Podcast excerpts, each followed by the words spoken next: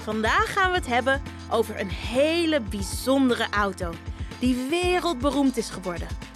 Riemen vast? We beginnen bovenaan met poetsen. 3, 2, 1. Race maar! Ruim 120 jaar geleden gebeurde er iets heel bijzonders.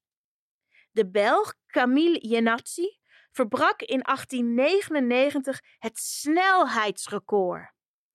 Hij reed met een auto bijna 106 km per uur. Amai, dat is snel hè? Nu is dat net zo snel als de auto's die op de snelweg rijden. Maar vroeger was dit heel bijzonder. Dat record dat haalde hij met een speciale auto.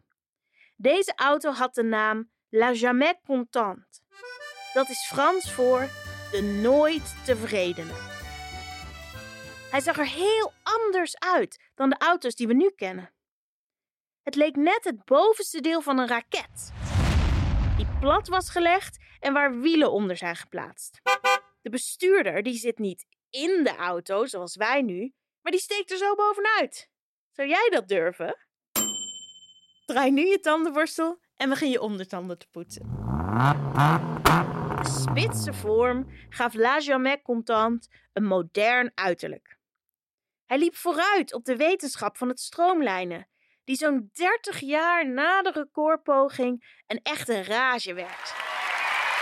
Een gestroomlijnd ontwerp moet de lucht zo vloeiend mogelijk langs zich leiden om de luchtweerstand te verminderen. Maar hielp die vorm van La Jamais Content echt om extra snel te rijden? Terwijl de lucht soepel langs de buitenkant stroomt, vangt de bestuurder erboven wel veel wind.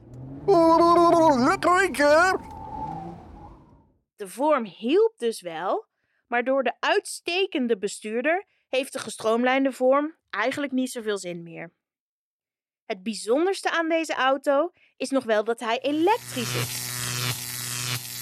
En dat terwijl hij al meer dan 120 jaar oud is.